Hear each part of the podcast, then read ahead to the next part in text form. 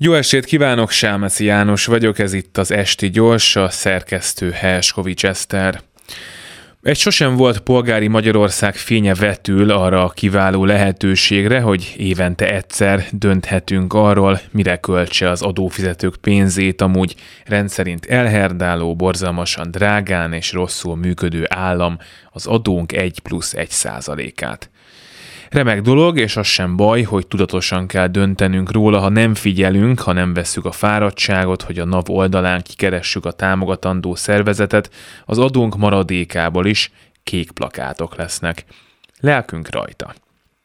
A számomra kevéssé szimpatikus, oldjon meg mindent az állam, és tartsa el azt, ami szerintem fontos attitűdtől meglehetősen távol áll, hogy egyes civil és egyházi szervezetek lehetőségeiről, sőt akár az életben maradásukról is mi magunk dönthetünk. A közpénzmilliárdokból kistafírozott kormánybarát társaságok és a dollármilliókat ideológiai alapon is, a társadalmi beágyazottságot és hasznosságot olykor figyelmen kívül hagyva osztogató nemzetközi donorok világában, Kiemelten fontos az adófizető polgár, aki önállóan dönthet arról, hogy kinek adja oda a pénzét.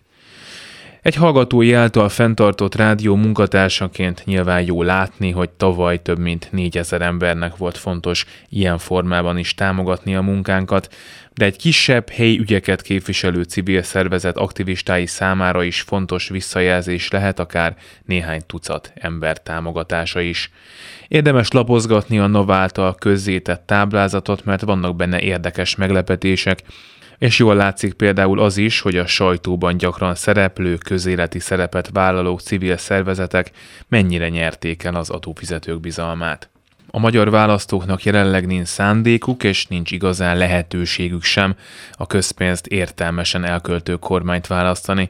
Arra viszont van, hogy a pénzüket, és évente egyszer az adójuk egy százalékát is valami számukra fontos dologra költsék de tényleg csak néhány kattintás az egész, hogy ne kék plakátokra menjen.